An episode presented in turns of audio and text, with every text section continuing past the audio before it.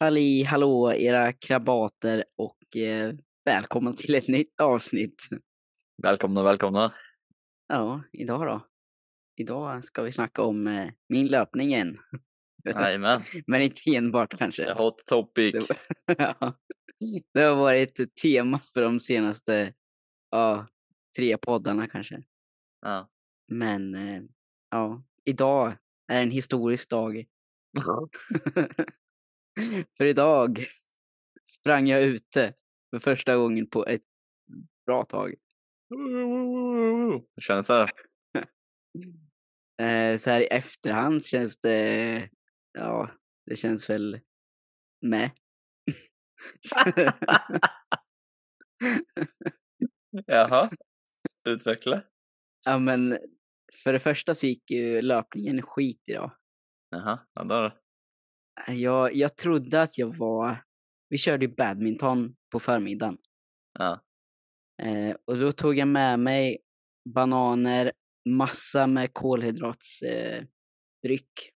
Ja. och tänkte att jag skulle preppa för jag, tanken var ju att jag skulle träna på gymmet på löpandet istället. Ja. Så att eh, då preppade jag ju för det. Så då tänkte jag att ja, men det borde nog gå bra även att jag har lite längre tills jag löptränar hemma. Men eh, 40 minuter in i löpningen så eh, ja, började jag bli lite yrslig. Och eh, då. typ, ja, jag började kallsvettas lite och eh, jag blev, tappade balansen, eller höll på att tappa balansen några gånger och var tvungen att gå resten av passet typ. Ja. Eh, så Det är alltså- blev, Sjukt olika upplevelse. Alltså även om jag inte ätit någonting på hela dagen ja, så skulle det vara helt fine liksom löprunda ändå. ja, det fattar inte jag. Men Ja. eh, jag, jag skulle nog kunna gjort, eh, gjort det fastande om jag liksom om jag gjorde det första, första saken på morgonen. Ja. Men så här när jag, när jag redan har ätit innan Ja. och det går lång tid eh, tills jag ja, men, tränar, Ja. då blir det, då kör det ihop sig helt för min kropp och skalle liksom. Ja, okej. Så att, eh, ja, jag mådde ganska dåligt där sista, sista biten. Ja, hur långt sprang du då? Eller hur länge sprang du? Jag sprang en och en halv timme. Det Ja. blev eh, 12 kilometer. Ja, det är nog ganska långt. Vilket håll sprang du åt då? Mot Mem sprang jag. Ja, just det. Hur långt är det till Mem? Kommer man hela Eh, vägen? det var ganska prick från eh, smultronstället typ. Ja. Eh, till, eh, till Mem så var det ganska prick 6 kilometer. Ja, nice ju. Ja. Det är ganska Det trevlig jag. sväng.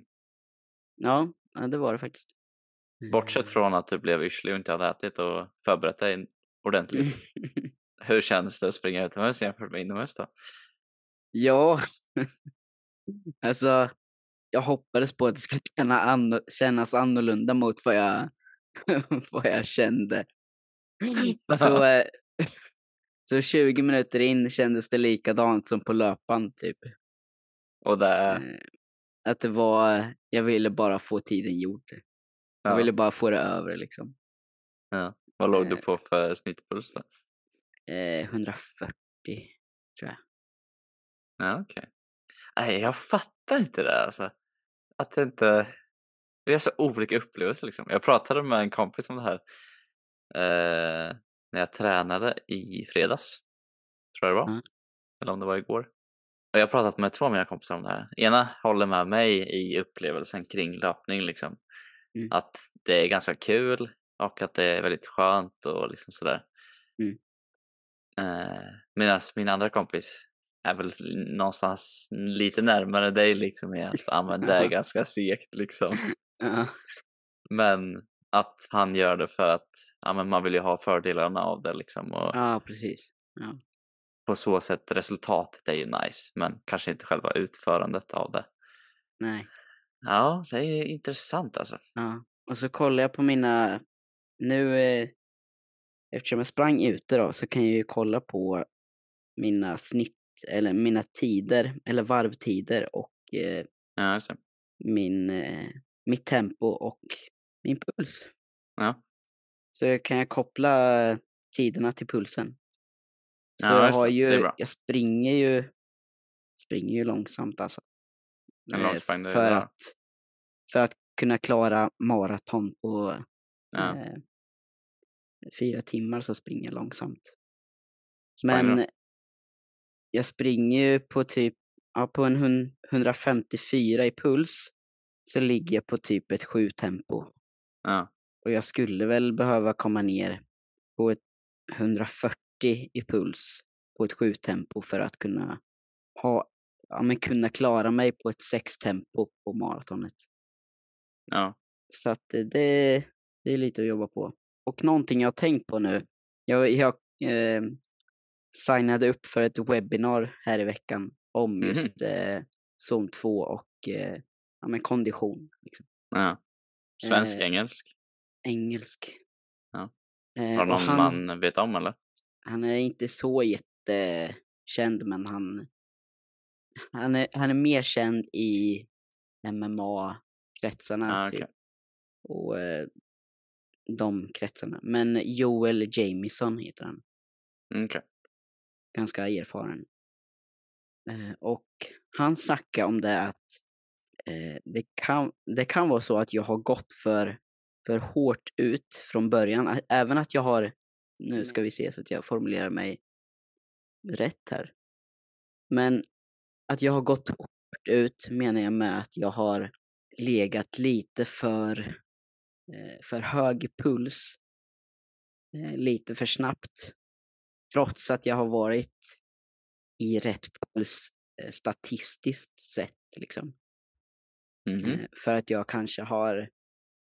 eh, Jag borde nog fått ut mer av löpningen om jag hade legat I rätt puls? lä- lägre puls, alltså zon 2 längre. Ja. Just för nu, jag märker väl det nu att det kanske har legat lite för högt i puls Mm. Snittmässigt liksom. Ja. För att jag ska kunna få ut eh, så mycket som möjligt från löpningen. ja, precis. Ja, det var jag också inne lite på i de tankarna när, när vi pratade om vår upplevelse så för första gången. Mm. Att säga att Men, ja, du kanske försöker mer än mig. Det var väl Ja. mitt sätt att tänka i de banorna men ja, jag tror han kan ha rätt. ja. ja, så att jag liksom har lättare för att bränna då kolhydrater än att bränna precis. fett. Och jag kanske, jag kanske har ett större spann för att bränna kolhydrater just nu Ja, än att bränna fett. För att jag har tränat lite eh, högre eller Mm. eh, lite mer där. Mm, Kommer trots du att- ihåg i att- början, Ja, det var jättetidigt i vår poddavsnitt, så pratade jag om att det var någon jag hade kollat på som hade varit och testat sina zoner. Ja, ja, men det kommer jag ihåg. Ja, Och så sa jag till dig, han hade ingen zon 2. ja precis. Det, det gick upp lite för mig också. När han började snacka på det här webbinariet också. Mm. Eh, att det kan nog vara så att jag, jag har ju inte sprungit eller kört så mycket kondition under en längre tid. Mm. Så att jag är ju inte lika, du har ju ändå kört kondition med din basket och liksom Ja, med din bakgrund så, så har ju du skapat adaptioner förmodligen i din Ja. kropp som gör att det är lättare för dig att bränna fett. ja. Eh, Det märker ju också Och- ganska mycket sens då att du känner mer när du inte har ätit ordentligt, typ som idag. ja men precis, exakt. För att du då, bränner så mycket kolhydrater att de tar slut. ja, precis. Medan Så, jag känner ju eh, inte alls så, utan jag klarar nej. mig helt och hållet. Och det kanske är Ja. för att jag är bättre på att bränna kolhydrater. Eller Ja. bättre på att bränna fett menar jag. Ja, Och, Och det är det- ju då för de som lyssnar lite långsammare. Jag ja säga. precis. Men en annan sida av det myntet blir ju att du är ju väldigt duktig på att komma upp i puls. Medan Mm. jag inte är så duktig på att komma upp i puls. Nej, jag kan ju hålla en högre puls längre än vad du kan. Ja, Eh, Definitivt. just för att jag är bättre på att bränna kolhydrater, eller liksom använda kolhydrater mm, till, mitt, till min fördel på det sättet. ja, Men en, ett misstag som jag har, också har gjort inser jag är att jag har splittat upp min zon 2 lite för mycket. Hur menar du med det? Så i varje pass så kanske jag spenderar 20 minuter zon 2 i början och sen eh, 10 minuter zon 2 efteråt. Istället för att koppla ihop dem så att man kör 30 Ja, minuter direkt. Jag tror det kan ha en påverkan under en, under en längre tid. Mm, det tror jag. För när man kollar lite på zon 2, alltså lågintensiv lågpulsträning, så brukar man ju snacka om just distanser och över tid. Ja, Och det är ju för att det ger inte så mycket när man gör det under en väldigt kort period. nej precis. Utan det är ju när man liksom arbetar länge som man faktiskt Mm. ser den här effekten. Ja. Så med det så har jag ju också, jag har ju inte riktigt haft något riktigt zon 2-pass heller. Alltså någon, något pass där jag kört zon 2 ganska länge. Ja, Vilket, eh, för jag har ju som sagt splittat upp zon 2 i mina pass. De har ju liksom funnits där men de har Ja. inte... Eh, jag har ju det har inte varit ändå, fokuset. Jag har ju ändå lagt ner mycket tid i det. Det har ju ändå legat runt två timmar i veckan liksom. Ja, Men de två timmarna är för utspridda tror jag. ja just det. För att det ska kunna ha en positiv effekt. Och min frekvens då, hur ofta jag har löptränat har ju då påverkat det också. Så jag borde ju ha haft en högre frekvens, tränat mer eller oftare i zon 2. Men under längre perioder på de passen. Eh, För nu är ju, om man kollar med det i ett nytt perspektiv så är ju mitt pass som jag kört nu ett tag mer högintensivt egentligen. Alltså Mm. relativt sett. Än att det skulle vara lågintensivt. Även att på pappret så Ja, är det, det. lågintensivt. Mm. Så det blir så här, ja. ja men, det, men det är kul. Kul att det liksom kommit fram till lite så här, man fått lite perspektivskiftningar liksom och Mm. Det kan ju Eh. förklara ganska mycket varför vi har Ja. två helt olika uppfattningar av vad löpning är och känns som. ja precis, exakt. För det är ju en jädra skillnad på att köra ett en och en halv timmes pass på kolhydrater och ett och ett halvt timmes pass på fett. Det är ju Ja. liksom som natt och dag i mående. Ja, verkligen. Ja, det är verkligen eh, kontraster. Men det är ju ganska skönt att du fått eh, liksom en inblick i det. Och det var ju tur att du gick på det där webbinariet då.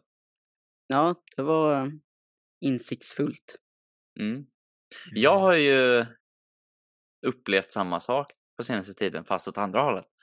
Att Jaha. det känns som att jag har höjt mitt tak. Alltså jag har höjt min förmåga i att förbränna kolhydrater. Vilket gör det lättare för mig att komma upp i puls.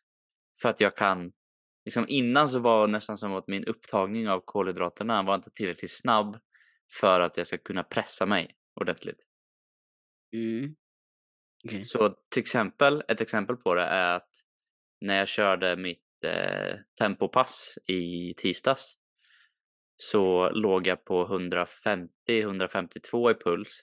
Mm. Och när jag började träna så var det tillräckligt högt för att jag skulle behöva rytmiskt tänka på hur jag ska andas. Alltså Mm. vid 150 så var jag tvungen att liksom, ah, nu måste jag börja anstränga mig. Nu måste jag börja tänka på, ah, men två steg in, ett ut. Alltså typ så. Var jag tvungen att tänka för att den skulle funka att springa. Men nu så kan jag andas genom näsan på 150. Mm. Och det är, så liksom 150 nu är så mycket lättare än vad 150 var för bara några veckor sedan. Mm. Och jag tror att det är för att jag har höjt mitt tak. Så att rent procentuellt av min puls så är 150 lägre nu än vad 150 var innan. Alltså uppfattas det som lättare. Förstår du vad jag tänker då? Ja, typ. Jag känner mig lite lost också. Jaha, vad du inte förstår. Nej, men eh, jag vet inte. Ja, för Det jag bara tänker ju, kändes, eh, jag tänker pulserna i, ja men säg att din puls är 100 procent. Liksom Ja. det är vad du arbetar inom. Och så har du ju de här zonerna och de är procenter av maxpulsen. Mm. Om jag då har en väldigt dålig zon 4 säg, Mm. då kommer ju den inte ta upp så mycket plats. Och då kommer ju zon 3 hamna högre upp i puls. Ja. Ja. Men om jag vidgar min zon 4 till att ta upp mer procent av min maxpuls Mm. så blir ju den bredare liksom. Jag vet inte hur jag ska förklara. Taket blir liksom högre så då Ja, tar det mer plats. Men då menas det ju egentligen att ditt VO2 max är bättre menar du? Ja, precis. Så kan man ju säga. Ja. Och det gör så att jag uppfattar mina tempopass som extremt mycket lättare nu än för Mm. några veckor sedan. Ja. Och det kände Kör, jag inte förrän den här veckan typ. kör du typ några norska fyrar eller något sånt? Nej, jag kör ju bara mina intervallpass. Och hur, de, hur är de eh, upplagda? 3 gånger 800 meter. I ett snabbare än maratontempo. Ja, så tre gånger eh, kanske 2.30. Alltså två... I tempo? Nej. Hur snabb 2.30. tror du jag är? Två minuter och 30 sekunder. Typ. Eh, ja, det är nog lite mer. Okej, tre För jag springer typ... Eh, jag springer typ 4-10 tempo. tre. Okej, Så det blir väl kanske 3.40. tre minuter då. 3.30 där någonstans. Okej. Och sen vilar jag en minut, eller ja, 200 meter. Jag vet inte hur. Det blir typ en minut. Ja. Strax under en minut. Och kör då tre gånger. Okej, så eh, typ norska fyror. Fast... Ja, det är ganska likt. Det är ganska likt. Ja. Okej. Och det kommer ju bara bli mer och mer. Den här veckan som Mm. kommer nu så ska mina tempopass öka i distans. Men samma hastighet? Samma hastighet. Ja. De har redan ökat en gång. Jag började ju på 5 kilometer. Och nu Mm. har jag kört 6,5 kilometer i tre veckor. Mm. Och nu ska det bli 8 kilometer i två veckor. Oh. 8 kilometer med tempo kommer Ja, det... tufft första veckan alltså. Ja. ja. Du kommer ju vara eh, redo för maratonet i alla fall. Känns det som. Hoppas det. Det känns som du har haft en ganska... Eh, du har legat i ganska bra fas liksom hela tiden. Ganska bra stadig utveckling. Typ. Ja, Alltså, men det du, jag nog du har säga. legat i schack hela tiden typ. Men det är alltid de här hjärnspökena så här. Hur kommer det bli? Hur kommer det gå? Ja, precis. Utvecklas Jag är- tillräckligt snabbt? Ja, jag är ju lite... Nu fick jag ju lite försmak på hur det kan gå och kännas på ett maraton. Alltså om man Mm. inte är eh, eh, vad heter det, förberedd kostmässigt liksom. Mm. Att det kan eh, gå åt helvete liksom. Ja, verkligen. Mm. Jag har kollat ganska mycket på Youtube och sådär. Just Mm. bland, liksom löpar-youtubers, eller hur man ska säga. Mm. Och alla säger att desto högre upp man kommer i distanserna, desto mer blir det en tävling av vem som kan äta. Mm. Så det är ju verkligen så att redan på maraton så är det ju liksom att man måste vara strategisk med hur man äter för att få i Mm. sig tillräckligt med grejer liksom. Det är därför jag, jag försöker få i mig ganska mycket och kolla liksom hur mycket är för mycket. Mm. Så inom varje långdistanspass så försöker jag äta mer och mer för att se hur mycket kan jag få i mig innan min kropp säger att det där var lite för mycket liksom. Ja, precis. Och jag har även börjat nu med sådana gels på mina Mm, långdistanspass. det. Så varje timme så tar jag en sån. Och nu Är hittills, Är inte varje timme lite för sällan eller? eh, jag har inte kollat hur mycket kolhydrater det är i per gel. Men eh, jag anar att det är lite för lite. Man För- jag, tror, jag tror de flesta brukar säga varje halvtimme ungefär. Ja, okej. Mm. För jag lyssnade på någon kille som är ultramaratonlöpare. Mm. Som hade ett samtal med någon så dietist för ultramaratonlöpare typ. Och då sa hon ett antal mängd kolhydrater per timme. Eh, men det är ju säkert för att man ska kunna dela upp de kolhydraterna under den timmen liksom. Ja. Eh, och jag, om jag inte helt ute och cyklar så sa hon 60 gram ungefär per Mm. timme. Ja, men det, ja. Eh, och jag vet inte hur mycket det är en sån. Så mycket möjligt att jag kanske behöver ha mer. Men hittills har jag inte känt att jag behöver ha mer. Eh, Nej, så jag precis. börjat introducera det efter en timme när jag kört liksom. Och hittills är mina pass under två timmar. Så jag bara med med en liksom. Ja. Jag skulle ju inte gå heller från en timme till en halvtimme till, alltså bara hoppa direkt. Utan Nej, precis. då skulle jag gå till kanske 45 minuter eller något. Ja. Men och eh, eh, jag någonting- insåg förra helgen när jag Ja. körde 19 kilometer och när jag tog en sån efter en timme att helsike vad gott det är. Det är som om kroppen såhär bara hoho, kolhydrater liksom. För första gången jag smakade så smakade det efter passet, så direkt efter passet så smakade jag, för jag, under passet så kände jag inte för att äta den. Eh, och då fick jag inte samma effekt, utan då var det typ såhär, ah, fan det där var lite konstigt att ha i munnen typ. För det är lite såhär gelatin gelaktigt typ. Mm. Men nu när jag tog den här förra helgen, det var som att liksom resten av rundan så tänkte jag bara på, ah, tänk om jag hade haft en till. och det var ganska skönt att jag liksom reagerade på att jag tyckte det var gott. Ja. För man har ju hört om att man kanske inte alltid tycker det är så gott. Sen är det lite speciellt i munnen. Alltså jag hade ju typ velat ha vatten eller någonting och skölja ner det med ordentligt så att det Mm. inte liksom ligger kvar i halsen typ.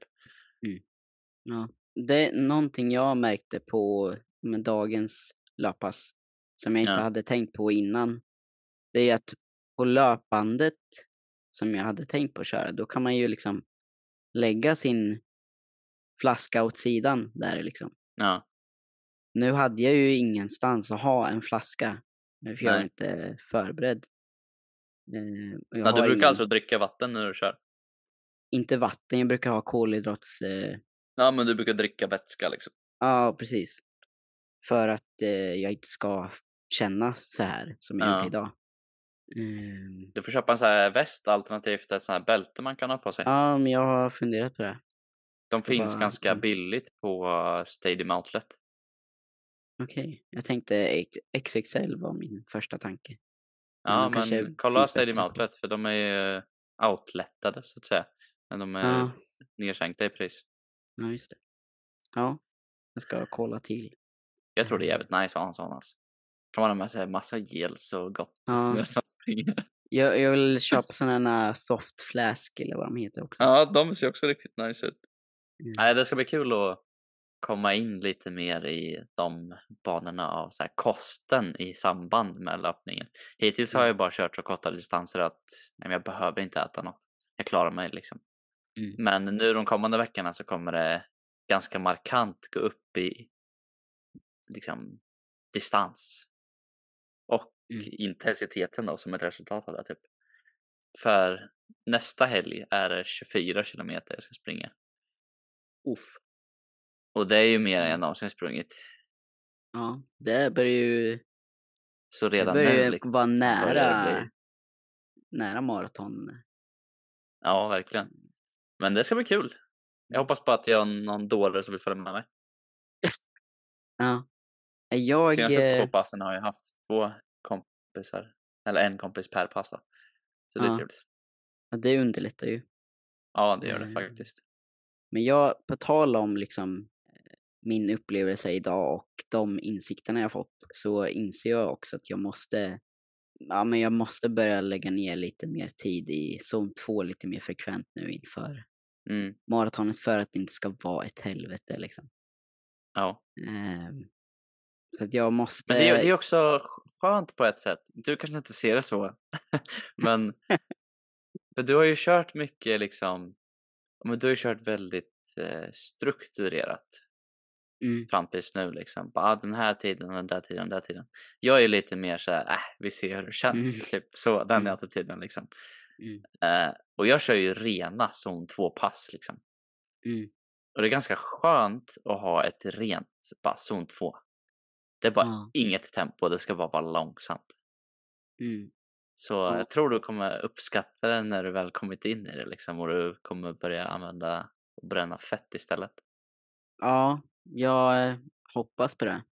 Så jag tänker att jag ska, men jag ska ta ut mitt eh, intervallpass helt och hållet. Ja, och köra på mitt tempopass eh, och sen min, mitt långdistanspass. Och sen ha rena zon 2-pass under veckan. ja. Så Jag tror ju att jag- det är play med tanke på hur mycket du kan ligga i zon 4. Ja, Och jag kan inte ens komma upp i zon 4 liksom. nej, Men det är ju inte zon 4 vi ska springa maratonet på liksom. nej, nej det är ju inte det. Så att eh, ja, jag funderar på lite hur mycket jag ska lägga in, hur mycket jag ska vara i zon 2 på de passen. Jag har sagt, Ja, eh, satt, eh, enligt det här webbinariet som han sa, eh, Mm. han Joel Jameson, så sa han minst 30 minuter i zon 2 ja, eh, under ett pass. Så jag tänker att jag börjar där på ett pass och sen ett pass är 50 minuter. ja, Det tror jag är en ganska bra ingång i alla fall. Ja, Jag ser här när jag sitter och kollar på mitt schema att hoppet till den här veckan, liksom Mm. ökningen i distanserna den här veckan, är typ den tuffaste veckan. Mm. Det är liksom det största hoppet i schemat. För sen till veckan efter så ökar det bara till 26 kilometer, alltså bara en ökning på 2 kilometer. Mm. Och sen går det bara upp till eh, 32 kilometer som, nej 34 kilometer som längst, men det är liksom vecka 16 och jag är på vecka 8 i schemat. Ja, okej. Så det kommer inte öka så mycket efter den här veckan. Så jag Nej. hoppas att jag tål den här veckan bra. Men jag såg när jag scrollade ner lite att vecka 15 i schemat så ska jag köra ett halvmaraton på tempo. Shit, Så där får vi se hur det går. jävlar. Ja. ja, det blir spännande. Då måste du ju vara förberedd med kost om något. Det känns ju som att klarar jag den dagen, Ja, då har man det in the bag så att säga. ja precis. Då är du klar. Då kommer det gå bra liksom. Ja, precis. Annars kan det nog vara en eh, tuff resa framåt. Mm. Ja. Nej, det ska bli kul. Men det var, det var jävligt skönt. För eh, som jag pratade om i tisdags när jag körde mitt tempopass så gick det väldigt bra och jag kunde andas väldigt lugnt på även en puls på 150. Ihop med det så kände jag i slutet, eller mot slutet av passet, så kände jag att jag ville öka i hastighet. För att Mm. det gick bra och för att jag ville bli klar. Och det var en väldigt skön tanke att känna att det hade inte gjort något att köra lite snabbare. Mm. Innan har jag bara känt, åh herregud, nu är det långt kvar. Så måste vi bara kriga liksom. Så det var skönt att det var tillräckligt lätt för att skallen skulle säga att vi hade kunnat kört lite snabbare, hade gått lite fortare. Ja, ja, det förstår Det var också, det var också en kille i fredags när jag körde som kom in efter typ halva passet och körde bredvid mig på löpbandet. Och satan vilken snabb jäkel det var. Han körde 15 kilometer i timmen som sitt liksom zon 2. Ja. ja, det är sjukt. Han bara tjum, tjum, tjum. Det var ganska skönt för jag matchar min kadens till hans för han hade en ganska perfekt kadens för vad jag vill ha. Mm. Så märkte jag också att han matchar mig. så det var ganska skönt när han kom och började springa för då kunde jag bara fokusera på att synka mina steg med honom liksom. Ja, just det. Så då fick jag ganska bra steg eller bra kadens. Ja. ja, det här med kadens eh, har jag också tänkt på en del. Och eh, ja, men, när man springer långsamt, ja, men typ så här 7-8 tempo som jag springer på just Ja. nu i mina långsamma pass. Så eh, tror jag inte man behöver tänka på kadensen så mycket. Jag tror inte det, Ja, det beror på. ja det beror ju på såklart, absolut om du har eh, jättelångt steg liksom. Mm.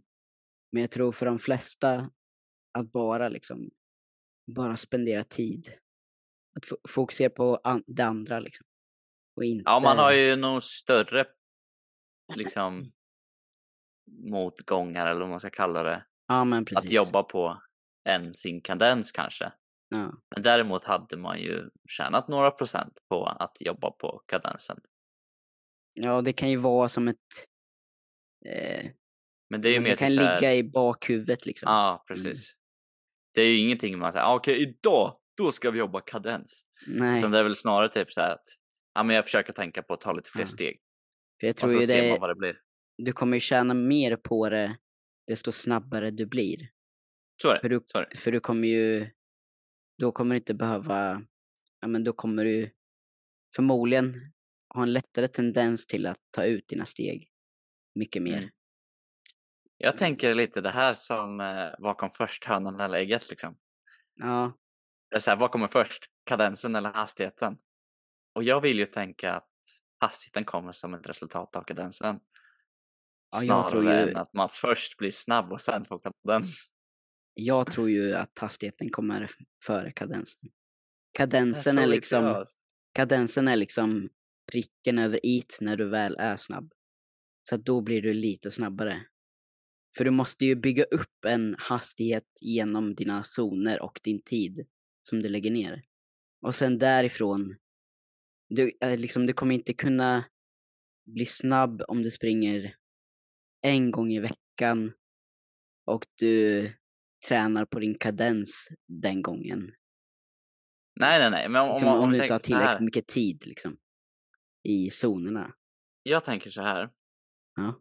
Kadensen är tågrälsen. Så din kvalitet av din kadens är hur bra tågrälsen är. Sen måste du ju såklart också ha ett tåg med en motor stark nog för att kunna köra snabbt. Men tåget kommer åka snabbare om rälsen är bra. ja, så är det. Och då tänker jag att har du en bra räls från början, då kommer det gå snabbare att komma upp i hastighet.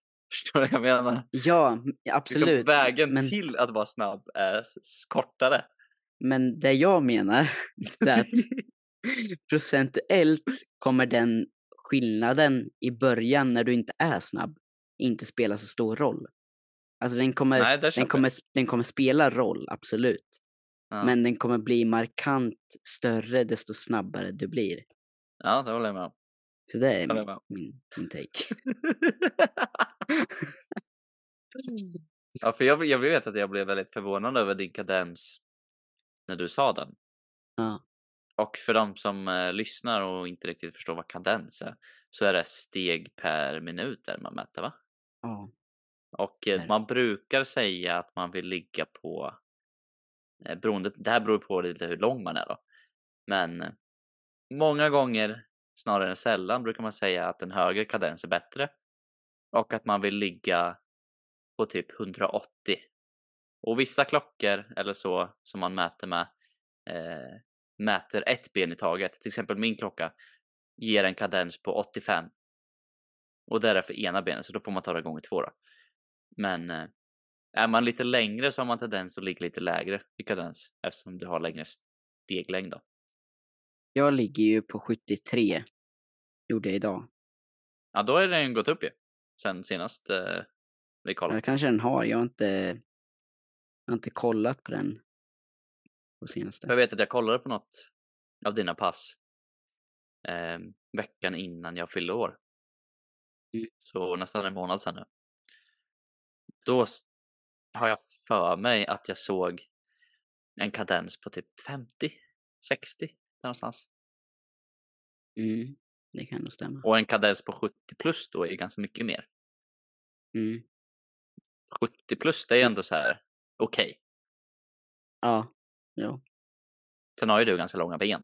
Men du är ju också Ja, kort. Så man vill ja, precis. du vill ju ändå komma upp i kadenserna så att säga. Värsta av att- båda världarna. Jag har märkt att när jag kör som bäst, då har jag en kadens på typ 85, 86. Mm. Så typ 170-ish. Ja. Då, då har jag bra steglängd liksom och bra tempo. Hamnar jag lägre än så, då känner jag att då är det, då är det sloppy liksom. Eller vad man säger. Ja, det, det har jag aldrig upplevt att jag, att jag är lite sloppy liksom. På mina pass eller med min, med min löpteknik. Mm. Jag känner dock när det kommer till kadens så känner jag typ att jag känner inte av när jag har en bra kadens. Liksom första gången jag hade en bra eller högre kadens. Mm. Det var inte som att jag bara oh jävlar vad det där kändes bra. Utan det är snarare att när jag väl har jobbat upp min kadens till att jag har ja, men liksom över tid så ligger jag på ganska bra kadens. Om jag då får ett pass där jag inte ligger på den kadensen. Mm. då känns det dåligt.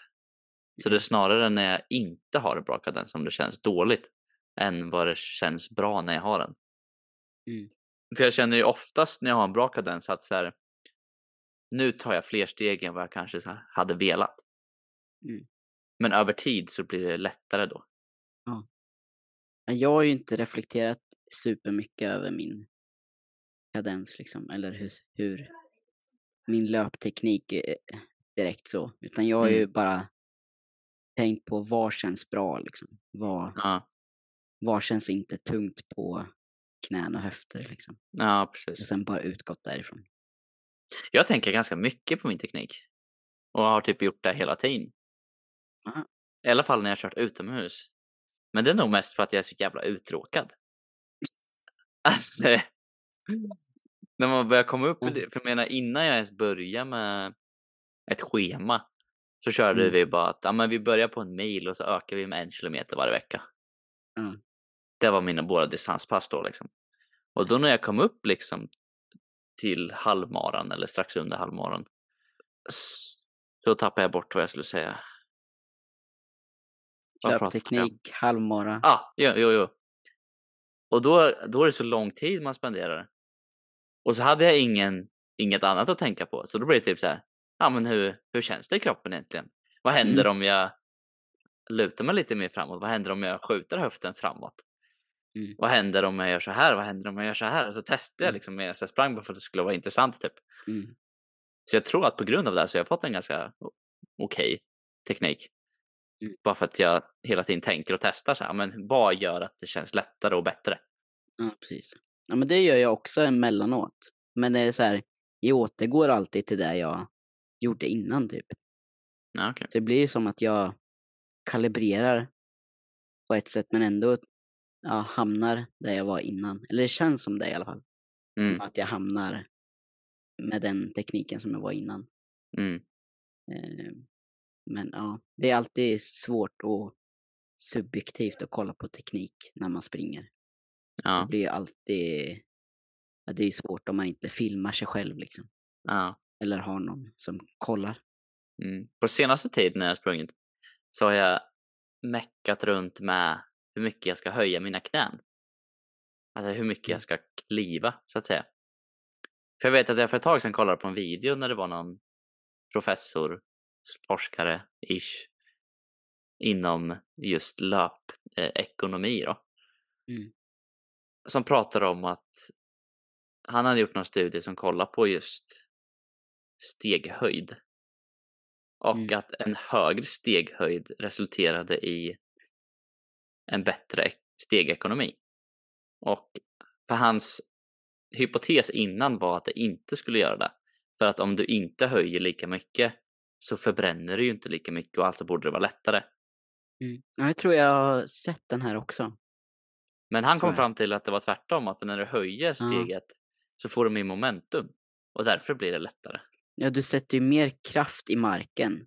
Mm. Vilket gör att du borde få en bättre ifrånskjutning egentligen. Så med det sagt så har jag mixat runt med det här ganska mycket på senaste och det känns ganska bra när man får till liksom att få upp knäna mer. Däremot så Mm. blir det ju lite mer vadigt. Alltså du får ta i lite mer med vaden Mm, för att bromsa eller skjuta liksom. Mm.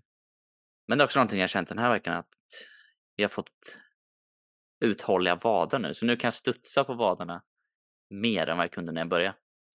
Då var det mycket så här helfot liksom. Nu kan jag mer ligga i framfoten och springa. Okej. Ja, jag, jag, jag ligger också så här i framfoten men ibland så kan jag uppleva att jag sätter lite för mycket press på min, eh, min hälsena. Mm. Så att jag blir lite sloppy liksom där. Att jag Ja. blir lite för avslappnad Mm. i min hälsena så att jag inte kan skjuta ifrån lika bra. Ja. Eh, Men det är väl, det Ja, är jag väl märker när jag blir- detaljer. Men, När jag, jag märker att när jag blir väldigt trött Mm. då heelstriker jag nästan som att min kropp vill gå snabbt så här. jaha, okej. Ja. Så jag märker när jag blir trött på hur mycket jag heelstrikar. Hur mycket jag slappnar av, så att säga. Någonting som är positivt med, med min löpning. Mm. det är... Hitta en grej!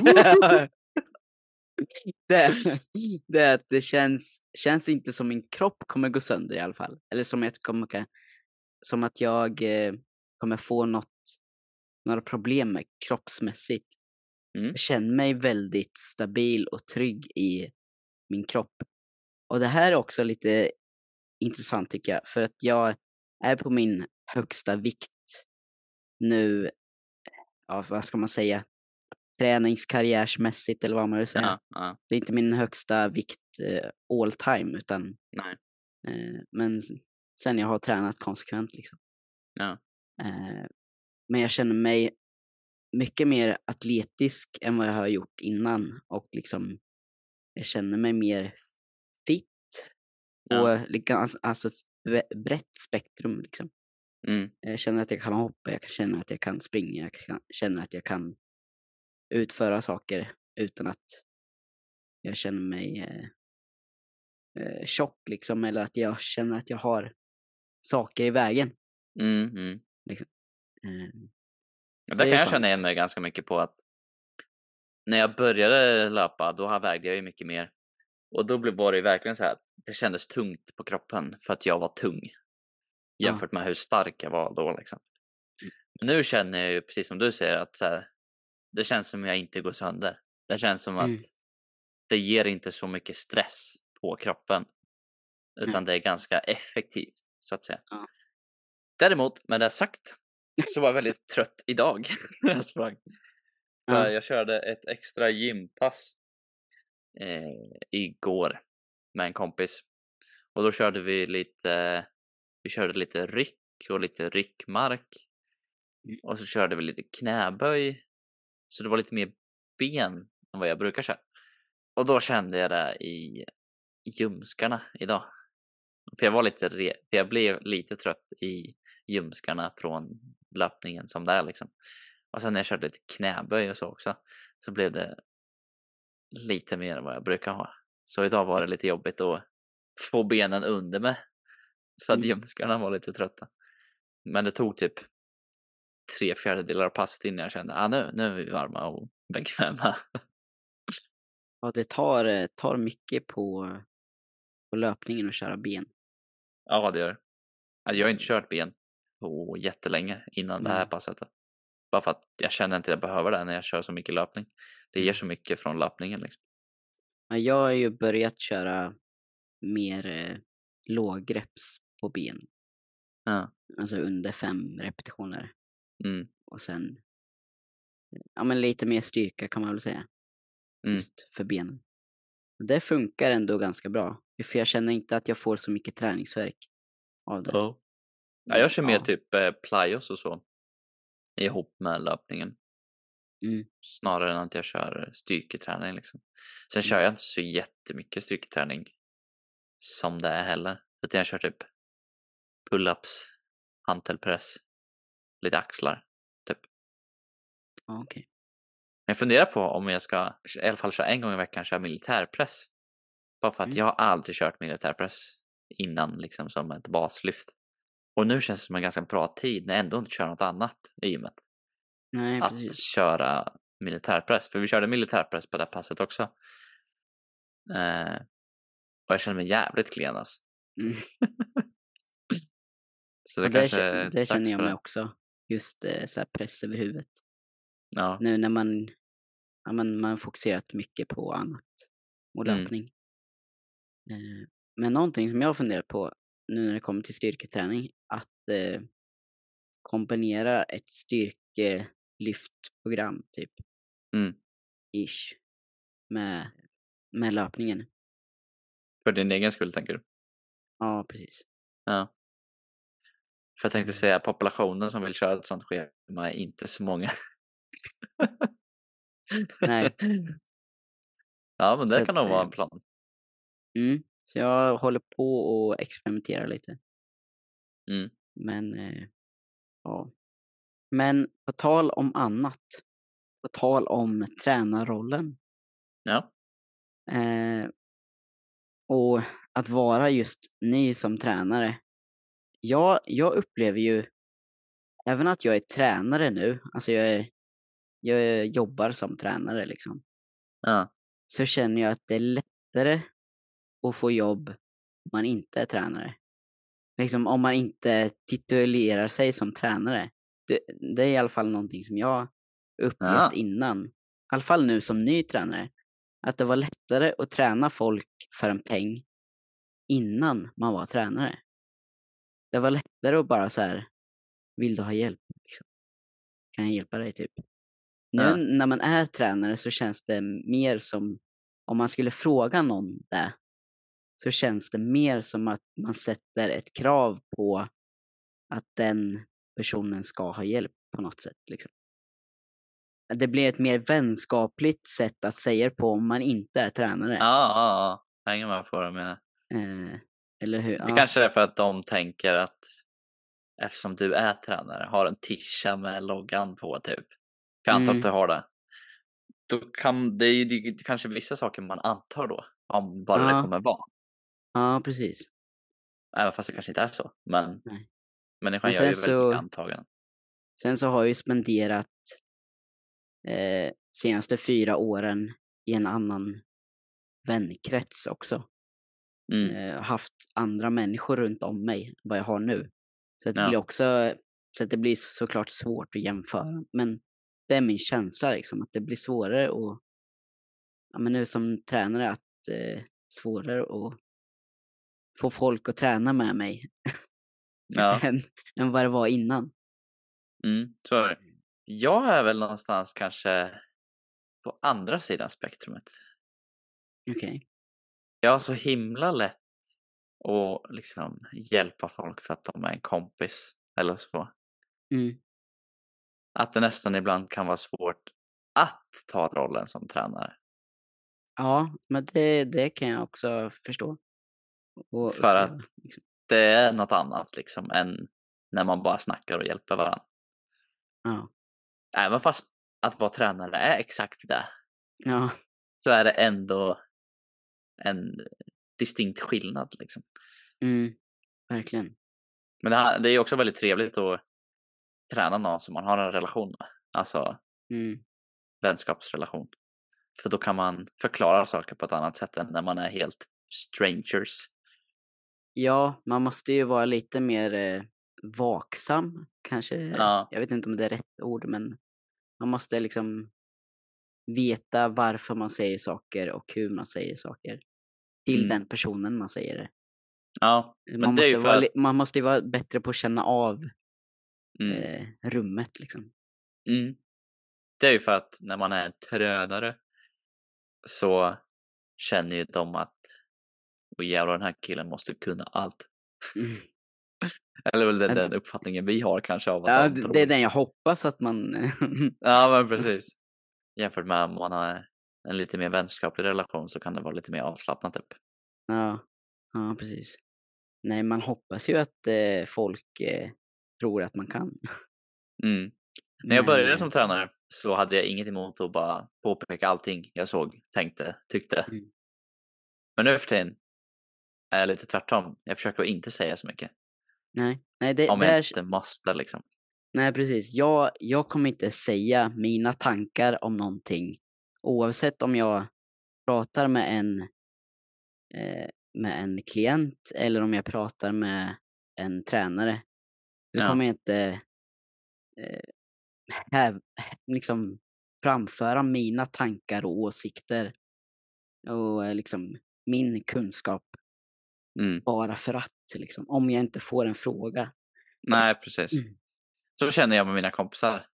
Att så här, det är många gånger jag kan säga något. Mm, mm, Och de kanske eventuellt hade fått en bättre prestation på grund av det. ja.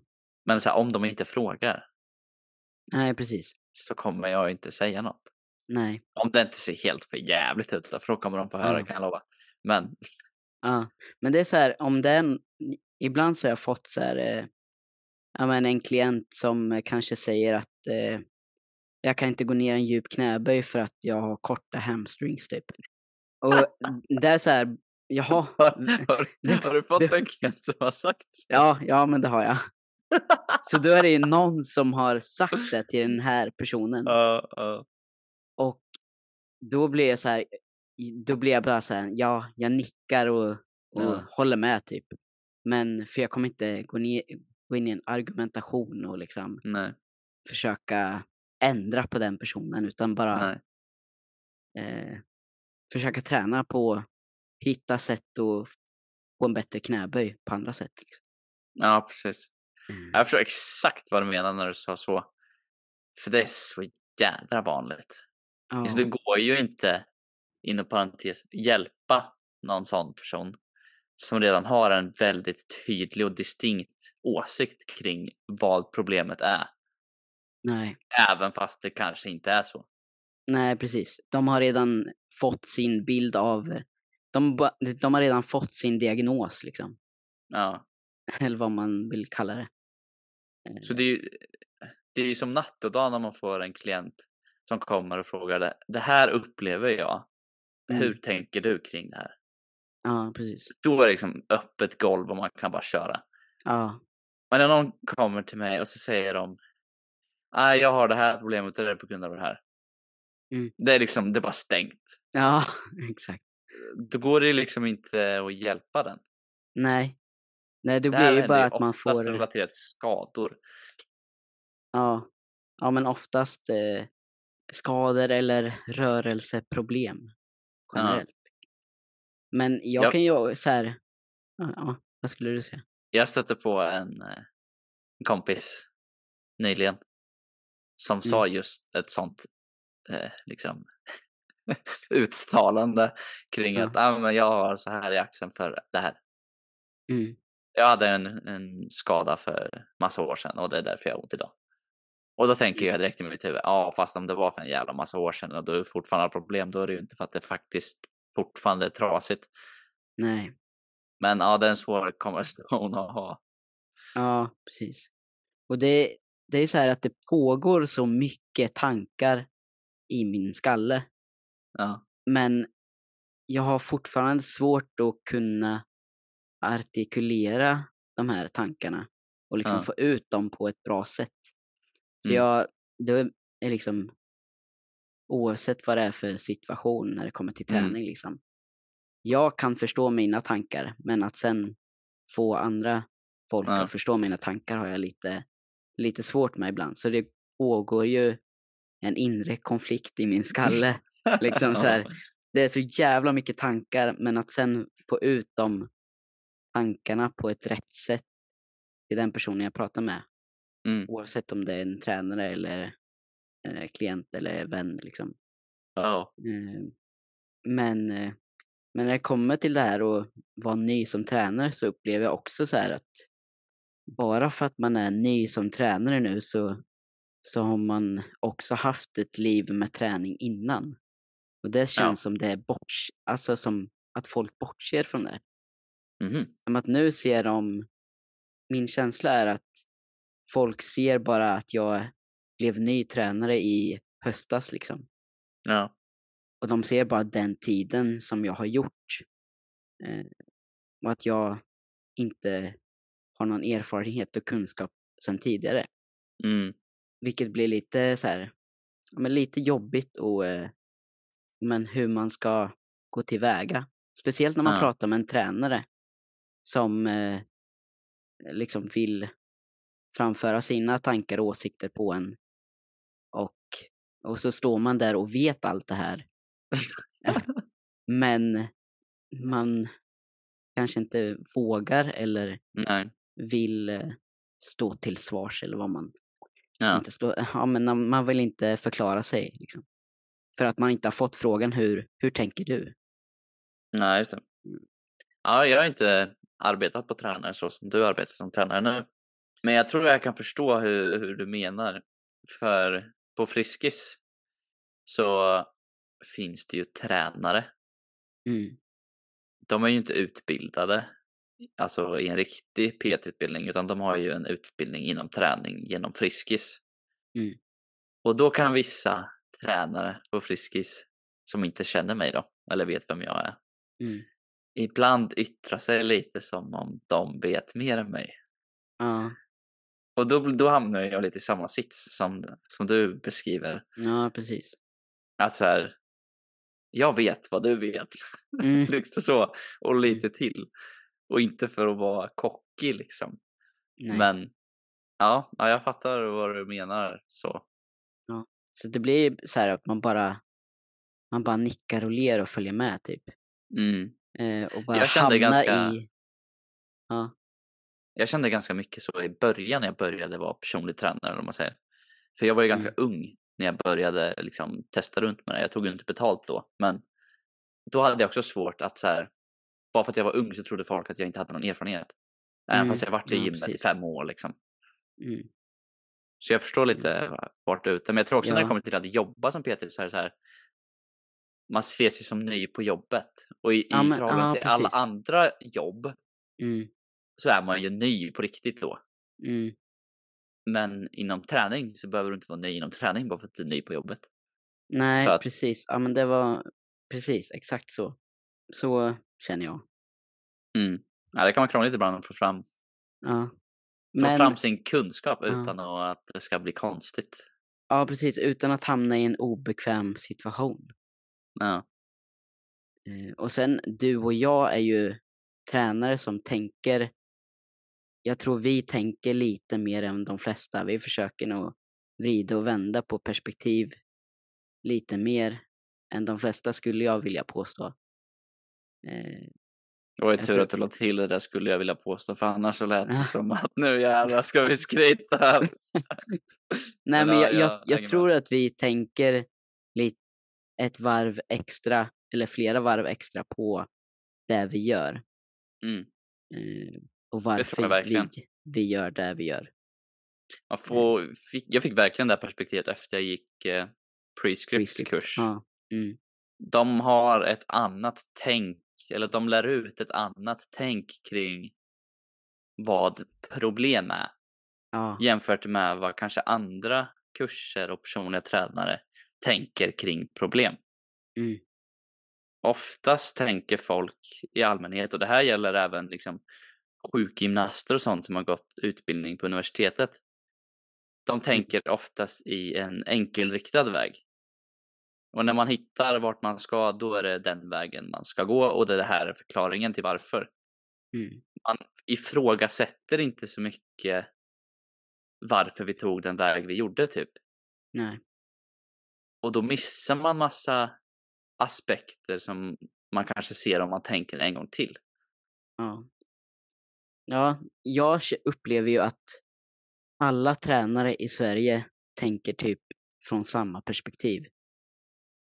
Alltså alla har samma PT-licens. Ja, Alla så är det har- lite. Så alla har samma perspektiv på saker och ting. Vilket blir lite jobbigt. Eh, för mig ibland kan jag uppleva att det blir en så här konflikt med att men jag vet vilket perspektiv du kommer ifrån. Men jag Mm. vill att du ska försöka se per, mitt perspektiv också liksom. Mm. Eh, och det är lite svårt att få fram ibland.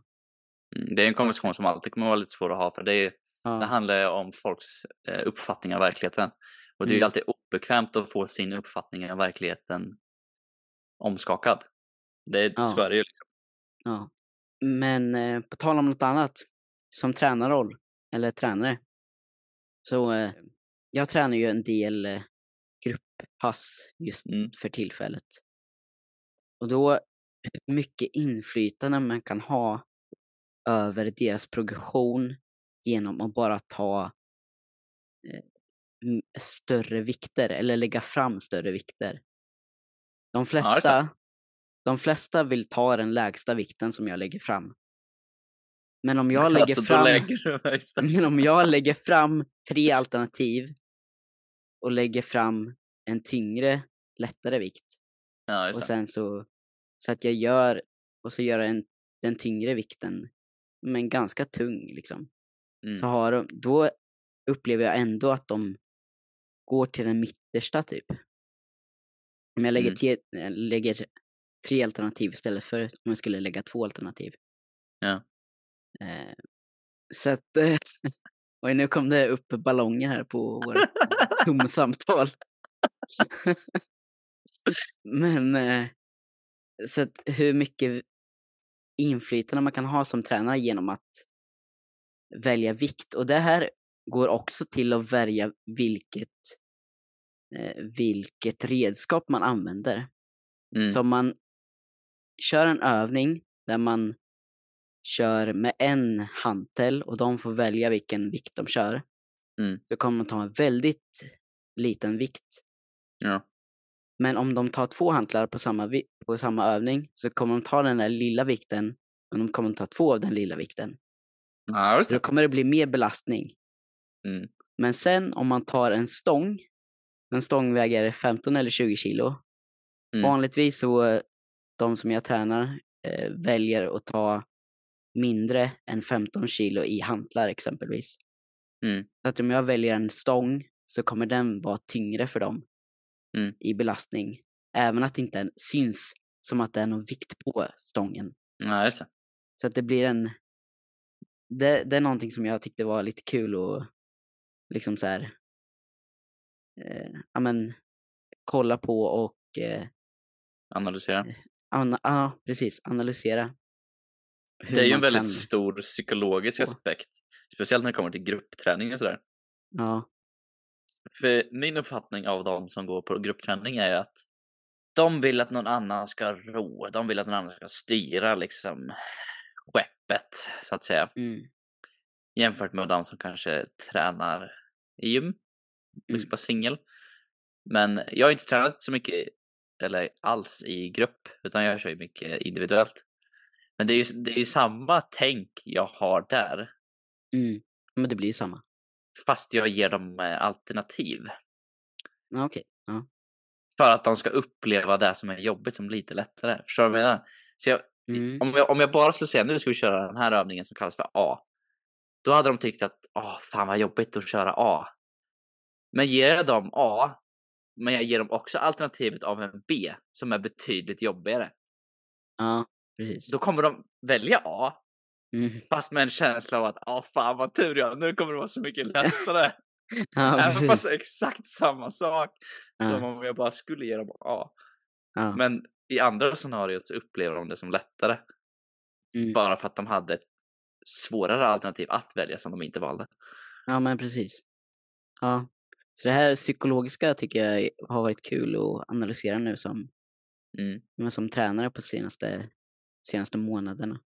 Mm. Hur Ja, jag tycker det alltid är så påverka. roligt med den mentala biten av träning.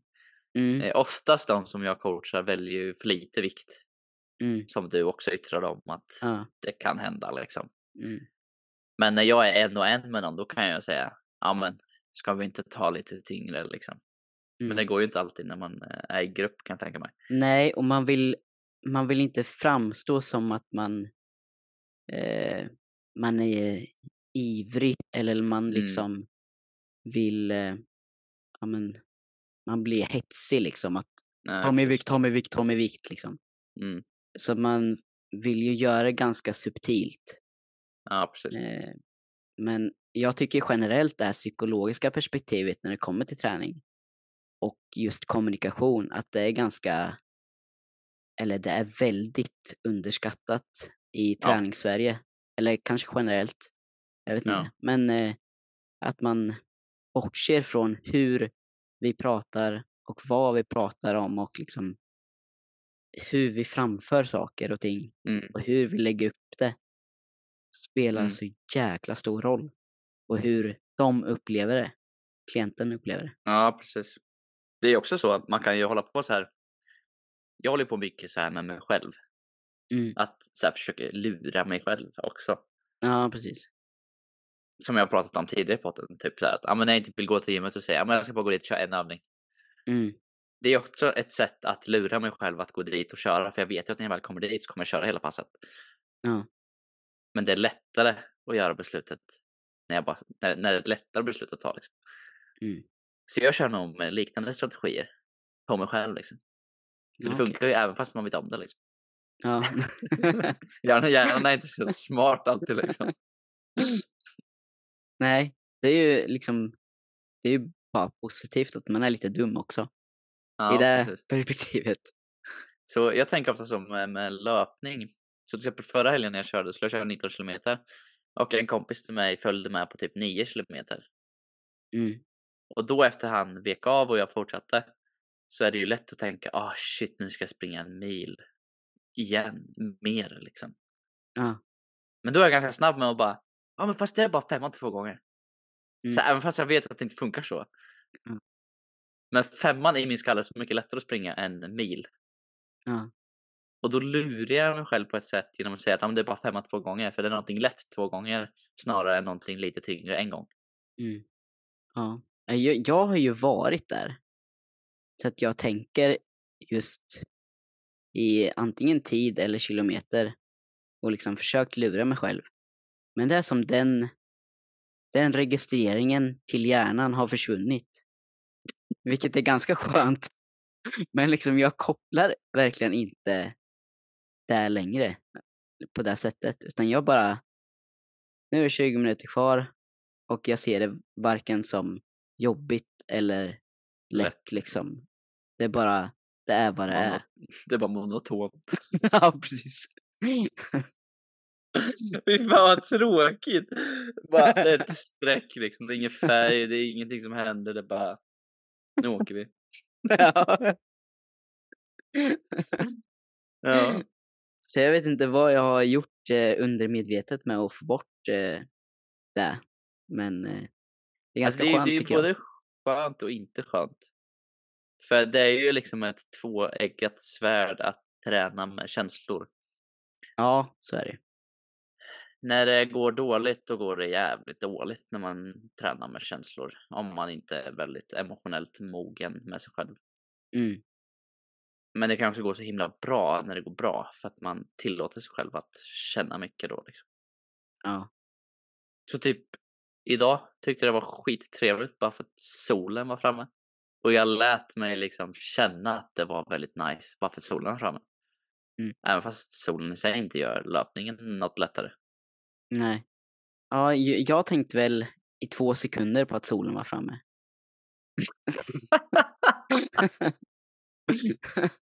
Ja, okej, Sen- bara en distraktion alltså. så jag- ska bara köra alltså.